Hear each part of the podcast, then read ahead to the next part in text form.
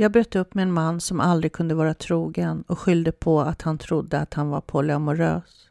Han klarade aldrig av nära, intima möten. Sex var något som boostade hans ego. Han gillade jakten och spänningen av att jaga nya kvinnor.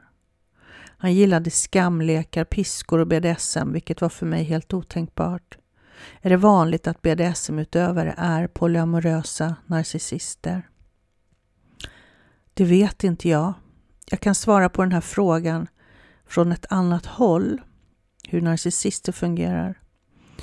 Eh, ja, väldigt vanligt att sex är viktigt för narcissister. De kan nästan vara omättliga. Och också att de, in, de har svårt att vara trogna. är vanligt. Sen att de dras åt det här hållet som BDSM. Eh, hur vanligt det är, det förekommer.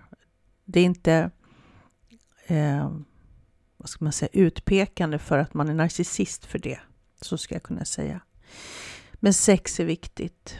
De tycker att det är deras rätt. Det är väldigt vanligt. Kan inte acceptera ett nej på, den, på det planet eller när det gäller den saken.